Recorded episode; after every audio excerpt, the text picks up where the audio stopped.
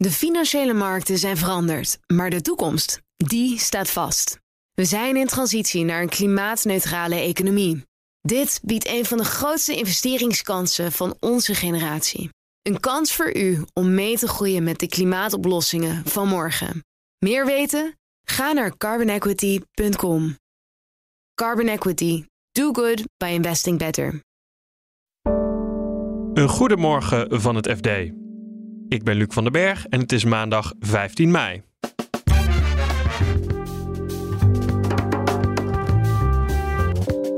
AI kan wel eens de hele arbeidsmarkt veranderen. Ook Goldman Sachs heeft hier onderzoek naar gedaan. Die waarschuwen voor een ontwrichting van de arbeidsmarkt. Maar het wil niet per se zeggen dat al die banen ook gaan verdwijnen. Ja, het werk zal gewoon heel anders worden. De inflatieschok zal nog lang nadreunen in Nederland. En het probleem is natuurlijk, of het probleem, je zou kunnen zeggen de luxe, is dat Nederland het eigenlijk heel goed doet. Onze groei is iets hoger dan gemiddeld. Qua, inflatie waren we daardoor ook heel lang boven gemiddeld. En complexe regelgeving in de EU bedreigen de waterstofambities. Het is geen gebrek aan geld, maar echt een, een gebrek aan uh, een soepelheid om uh, door al die trajecten heen te gaan. En nou, als Europa daar wat aan zou kunnen doen, dan uh, zijn we meer op par aan par met, met Amerika. Dit is de dagkoers van het FD. Het bedrijfsleven omarmt kunstmatige intelligentie en programma's als ChatGPT. Maar de zorgen over de risico's van deze programma's groeien ook. Arbeidsmarktredacteur Elfanie Toulaar vertelt waar AI voor gebruikt wordt door deze bedrijven. We hebben een rondgang gemaakt langs een aantal bedrijven. En vooral ChatGPT of dat soort programma's, talige programma's die teksten kunnen verwerken, die zijn dus echt aan een opmars bezig in het bedrijfsleven. Een mooi voorbeeld is uh, PwC. Die hebben Harvey, een uh, programma wat een deel van het juridische werk kan overnemen. Ik heb ook gezien op een filmpje hoe dat werkt. Dat programma kan een contract van duizend pagina's in 25 seconden lezen, analyseren met een memo komen. Waarin allemaal voetnoten staan. Die linken aan waar de conclusies in die memo vandaan komen. En dat klopt juridisch helemaal. Het is de laatste versie van GPT. GPT-4 is dat. En die kan dus op een heel hoog niveau dit soort teksten analyseren en daar conclusies uittrekken. Maar hebben we dan straks geen juristen of tekstschrijvers meer nodig? Ja, goede vraag. Daar zijn dus al die kantoren nu mee bezig. Uh, wat dit gaat betekenen voor het personeel. Als een paal boven water staat dat het werk heel erg gaat veranderen. Het World Economic Forum zegt binnen drie jaar zal, zullen de vaardigheden uh, waar werkende mensen uh, die ze inzetten voor, om hun werk te doen heel erg veranderd zijn. Ook Goldman Sachs heeft hier onderzoek naar gedaan. Die waarschuwen voor een ontwrichting van de arbeidsmarkt. Maar het wil niet per se zeggen dat al die banen ook gaan verdwijnen. Ja, het werk zal gewoon heel anders worden vermoedt men. En op welke manier? Wat gaan mensen dan doen als ze niet meer, nou, geen tekst meer hoeven te schrijven of geen contract meer hoeven door te nemen? Nou, dat is nog onduidelijk. Het is dus echt een hele periode die vol in beweging is. Bijvoorbeeld, we spraken een tekstbureau. En daar zijn de copywriters. Die schreven vroeger allerhande teksten voor bedrijven en andere marketingbureaus. Die teksten worden dus nu geschreven eh, door ChatGPT. En dat zijn prima teksten. Die copywriters uh, die zullen hun skills niet meer gebruiken voor de basisvaardigheden, namelijk het schrijven van teksten, maar meer voor het redigeren van teksten, het verrijken van teksten. Ja, kijken of het allemaal klopt. Het biedt bedrijven dus enorme kansen, maar zij zien toch ook wel risico's eraan verbonden zitten. Ja, want ja, de vraag is: stel jij voert een tekst in in uh, een tekstvak een, uh, van ChatGPT bijvoorbeeld. Wat gebeurt er met die informatie? Komt die misschien uh, ergens aan de achterkant van dat hele programma bij een concurrent terecht? Dat soort dingen zijn nog allemaal erg onduidelijk. Wat doen bedrijven dan zodat hun gegevens niet zomaar bij ChatGPT komen te liggen? En dus misschien wel in handen van die concurrentie? Nou, sommige bedrijven die we hebben gesproken, die hebben dan hun eigen versie, betaalde versie van ChatGPT of een soort gelijk programma. Ik vertelde al over Harvey, dat programma waar PwC dan mee werkt. En die is dan speciaal toegespitst op juridische teksten. En als je dat soort programma's koopt, dan zijn de gegevens wel beter beschermd. Ze zijn dus druk bezig ook met het toezicht hierop. Hoe staat het daarmee? Ja, dat is een enorme klus. Want kunstmatige intelligentie en de ontwikkeling van dit soort programma's gaat zo snel dat, ja, hoe kun je een wet maken die mensen en bedrijven daartegen beschermt? Duidelijk is wel dat de belangrijkste wet hierom zal gemaakt worden in Brussel. Er was al een hele wet opgetuigd. Maar die is nu weer opengebroken vanwege de komst van ChatGPT. En die focust vooral op het beschermen van de privacy van mensen en de veiligheid natuurlijk. In december vorig jaar riep DNB-president Klaas Knot de werkgevers nog op om de lonen met 5 tot 7 procent te verhogen. Maar nu vraagt hij juist om kalmte aan de onderhandelingstafels. Redacteur macro-economie Marijn Jongsma vertelt waarom Knot deze draai maakte. Ja, het is een soort delicate balans. Hè? Dus uh, toen de tijd was uh, zijn oogmerk uh, het herstel van koopkracht. Hè? Zodat de overheid niet alleen zou doen, maar ook de werkgevers hun bijdrage zouden leveren. En nu ziet hij dat die lonen veel harder stijgen dan die 5 tot 7 procent. En dat betekent dus dat, dat je een situatie kunt krijgen waarbij de werkgevers gaan zeggen: ja, als het zo hard gaat, dan gaan wij onze prijzen ook weer verhogen. En dan gaan de vakbonden weer zeggen: ja, maar als de prijzen weer worden verhoogd, gaan wij onze looneisen opschroeven. Nou, dan krijg je dat eh, beruchte haasje over effect, de loonprijsspiraal. Uh, en dat is om meerdere redenen vervelend. Als jij uh, een beetje spageld hebt, dan zie je dat verdampen. Gepensioneerden die, die zien hun pensioenen wegsmelten. Tenminste, voor zover die niet geïndexeerd worden. Er ontstaan allerlei effecten tussen bevolkingsgroepen van mensen die er nadeel van hebben en mensen die er voordeel van hebben. En het kan ook betekenen dat als het harder gaat dan in de rest van de eurozone, dat je concurrentiepositie onder druk komt te staan.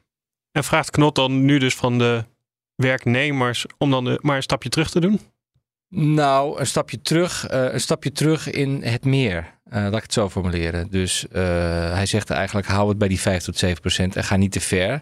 Er is nu eenmaal een energiecrisis geweest. Die pijn die moet verdeeld worden. En als je dat niet verdeelt, dan, dan krijg je dus dat escalerende effect waar ik het, waar ik het net over had. En um, dat hij zeg maar de bonden hiertoe oproept, is ook wel logisch. Hij, hij voegde er in, in, in Buitenhof overigens aan toe van ja, als het niet gebeurd is, moet ik de rente verder verhogen. Maar dat suggereert natuurlijk een beetje dat Knot in staat is om voor Nederland aan een renteknop te draaien. Nou, dat is niet zo. Hij gaat naar Frankfurt, hij bespreekt de situatie met zijn collega's. En op basis daarvan komen ze tot een gezamenlijk rentebesluit voor de hele eurozone. En het probleem is natuurlijk, of het probleem, je zou kunnen zeggen de luxe, is dat Nederland het eigenlijk heel goed doet. Onze groei is iets hoger dan gemiddeld. Qua, qua inflatie waren we daardoor ook heel lang boven gemiddeld. Uh, de arbeidsmarkt is heel krap. Hè? Als je kijkt naar een land als Spanje, heb je nog steeds een tweecijferig werkloosheidscijfer. Nou, er is in Nederland absoluut geen sprake van. Dat is op recordlaag dus ongeveer. Dus met andere woorden, als je er met een heel technische bril zou kijken, zou je eigenlijk moeten zeggen: ja, misschien moet die rente voor, voor Nederland nog wel wat verder omhoog. Maar zitten we bij andere landen al aan de grens? Nou, dat, dat is een afweging. Uh, maar je weet natuurlijk waarschijnlijk dat die rentestijging eerder stopt, terwijl in Nederland de inflatie nog te hoog is. Nou, wat gaat er dan gebeuren? En dan kun je dus als centrale bankpresident moet je dan zeggen, ja, jongens, doe een beetje rustig aan. Uh, bonden, maar ook uh, overheid. Want dat is ook een groot probleem. Die geeft ook veel te veel uit. Knot kan dus niet aan de knop van de rente draaien voor Nederland. Maar nee. dit, is dit dan het enige instrument dat hij heeft? Ja, hij kan op basis van zijn functie, en die functie bestaat ook uit het, uh, het geven van macro-economische adviezen. Uh, kan hij tegen bonden zeggen, doe rustig aan. Kan hij ook zeggen tegen de overheid, uh, geef wat minder uit. Want de economie is oververhit. We draaien op volle capaciteit. Dus als je er heel veel geld in gaat gooien, dan groeit de economie niet harder, maar krijg je alleen maar meer inflatie. Je zei al even, die pijn die moet verdeeld worden. En daarom zegt Knot ook tegen die vakbonden van nou, iets rustiger aan. Ja. Maar bedrijven maken juist een veel hogere omzet, worden beschuldigd van grijflatie. Ja. De prijzen meer ophogen dan strikt noodzakelijk. Zouden ja. die dan ook niet wat pijn moeten nemen? Nou ja, dat is de blame game die, uh, die aan, aan de gang is. Grappig genoeg zegt zelfs uh, de baas van uh, VNO-NCW in het FD... van ja, ook werkgevers moeten niet de prijzen meer verhogen dan strikt noodzakelijk. Nou, dat kun je voor heel... Wat is strikt noodzakelijk, et cetera. Maar... Um, ja, de bonden verwijzen naar de, naar de werkgevers en zeggen: jullie hebben eigenlijk te veel macht. Uh, er is te veel concentratie in de markt. Anders gezegd, er is te weinig concurrentie. En daarom kunnen jullie de prijzen verhogen. Dus die roept zelfs de overheid op: uh, doe er iets aan. Wat kan de overheid dan nu doen? Er is natuurlijk altijd een beetje de roep om prijscontroles. Hè. Dat zie je bij elke inflatieschok. Van ja, er moeten prijscontroles komen. Maar ja, dat, uh, dat is een nogal um, grof instrument. En nogal ingrijpend. Je gaat eigenlijk ingrijpen in de markt en zeggen van ja, je mag niet zoveel, meer dan zoveel rekenen voor een, voor een brood of een kop koffie, noem maar wat. als er dus niet sprake is van een samenspanning, hè, wat je vaak hoort tussen bedrijven waar ook boetes voor worden uitgedeeld, ook op Europees niveau, of, of misbruik van marktdominantie, als er niet aantoonbaar misbruik is, maar een soort sluipend proces, dan kan een kartelautoriteit niet zoveel. De Europese Unie heeft enorme ambities op het gebied van groene waterstof. Maar grote projecten komen nog maar moeilijk van de grond. Je hoort energieredacteur Bert van Dijk. Hij legt eerst uit hoe die waterstofambities eruit zien. De Europese Unie wil in 2030 10 miljoen ton groene waterstof zelf maken en 10 miljoen ton groene waterstof importeren. Ja, dat willen ze dan doen om die CO2-uitstoot terug te dringen. Maar hoeveel kan de EU nu al zelf produceren? Uh, nou, feitelijk nul kun je zeggen. Dus uh, ik geloof dat, uh, want groene waterstof dat ga je maken met elektrolyse. Dus dan ga je groene stroom breng je naar een waterstoffabriek en dan via elektrolyse maak je daar waterstof van. Uh, ja, daar heb je dus die fabrieken voor nodig. Maar die, ja, ik geloof dat er in heel Europa is er eentje in bedrijf van 20 megawatt. En dan dus moet 10.000 keer zoveel uh, is er nodig om, want je moet naar 200 gigawatt ongeveer aan capaciteit. Nou ja, we zitten op 20 megawatt. Dus 1000 keer zoveel is er nodig. En wat moet er dan nu gebeuren om die productie te vergroten? Nou, de, fabrieken moeten worden gebouwd. Dat is eigenlijk het punt. En uh, niet alleen die fabrieken. En dat, dan kom je meteen aan, aan de moeilijkheid, aan de complexiteit. Maar alles daaromheen ook. Want je hebt dus ook extra groene stroom nodig om die fabrieken daarmee te voeden. Je hebt dan ook de infrastructuur nodig om die waterstof naar klanten te brengen. En je moet er zeker zijn dat die klanten dat ook willen gebruiken. Want het maken van groene waterstof is veel duurder dan wat de bedrijven nu gebruiken. Dus je moet ze op een of andere manier toe bewegen om die groene waterstof af te nemen. Dus door allerlei afnameverplichtingen die ook de Europese Unie gaat instellen. Of, um, en dat gebeurt ook door subsidies te geven aan de productiekant, zodat het um, goedkoper wordt voor die producenten om dat te gaan doen. Maar daar zit precies de crux. Alles moet precies samenvallen en ja, en daardoor um, loopt het tot nu toe, uh, ja, loopt Europa hopeloos achter bij die doelen. Ja, want Nederlandse projecten die krijgen toch al 800 miljoen hiervoor? Ja, ze, kregen, ze hebben 800 miljoen toegewezen gekregen. Dat, dat ging eigenlijk om, ik geloof, zes of zeven projecten in Nederland. Uh, en daarnaast is, er ook al Europese subsidie nog toegezegd. Dus het is zelfs meer dan 800 miljoen. Ik denk geloof meer dan 1,2 miljard of zo. En er zijn ook heel veel plannen in Nederland. Echt tientallen projecten om waterstoffabrieken te bouwen. Maar er is maar één project echt daadwerkelijk in aanbouw. Dat is eh, een project van Shell op de Maasvlakte. Uh, en al die andere projecten die ondanks dat ze die subsidie uh, hebben toegekend gekregen, die zijn nog niet aan het bouwen. Ja, moeten die bedrijven dan misschien niet gaan wachten op meer subsidie, maar zelf de portemonnee gaan trekken? Ja, dat, dat, dat is natuurlijk. De, Shell heeft dat ook gedaan, maar die, denk ik, zit in een, een beetje een aparte positie. En die anderen, die durven dat dus niet aan. En nou ja, dat is ook wel heel erg te begrijpen. Want als je, om even een beeld te geven, die 10 miljoen ton, dat, eh, daarvoor heb je 200 gigawatt aan capaciteit nodig, zoals ik zei. En ja, een fabriek van eh, 500 megawatt, dus dat is echt maar een klein deel van, het kost al 2 miljard.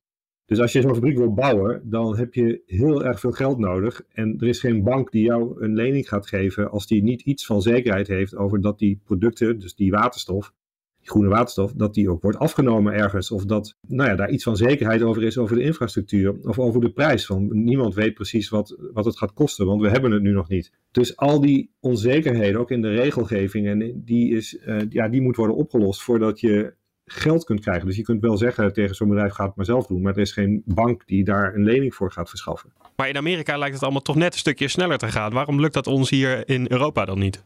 Ja, je ziet dat ze heel jaloers kijken, eigenlijk al die bedrijven naar Amerika. En dan met name naar die IRA, dus die Inflation Reduction Act. Dat is de pakket maatregelen om de economie te stimuleren. Ja, het wordt een beetje gekscherend gezegd. Eh, gisteren ook op dat congres. Uh, als je met een kilo waterstof aankomt bij een loket de, de, van, in Amerika, dan krijg je 3 dollar verder geen complexiteit. Terwijl in Europa eigenlijk ja, dezelfde hoeveelheden geld beschikbaar zijn als steun. Maar dat is verdeeld over zo ongelooflijk veel verschillende potjes. Dat, ja, die, en je hebt per project ook weer verschillende potten nodig. En er zitten weer verschillende vergunningstrajecten aan vast met verschillende tijdlijnen. Dat het zo complex is gemaakt dat het gewoon niet te doen is en heel erg vertraagd. Dus uh, dat moet allemaal, is de boodschap eigenlijk van het bedrijf veel en veel simpeler. Het is geen gebrek aan geld, maar echt een, een gebrek aan... Uh, aan, um, soepelheid om uh, door al die trajecten heen te gaan. En als Europa daar wat aan zou kunnen doen, dan uh, zijn we meer op par aan par met, eh, met Amerika.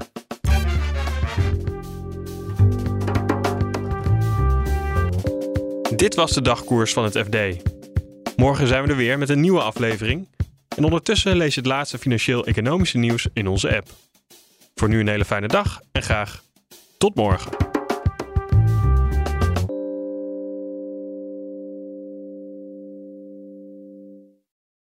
De financiële markten zijn veranderd, maar de toekomst, die staat vast. We zijn in transitie naar een klimaatneutrale economie. Dit biedt een van de grootste investeringskansen van onze generatie. Een kans voor u om mee te groeien met de klimaatoplossingen van morgen. Meer weten? Ga naar carbonequity.com. Carbon Equity. Do good by investing better.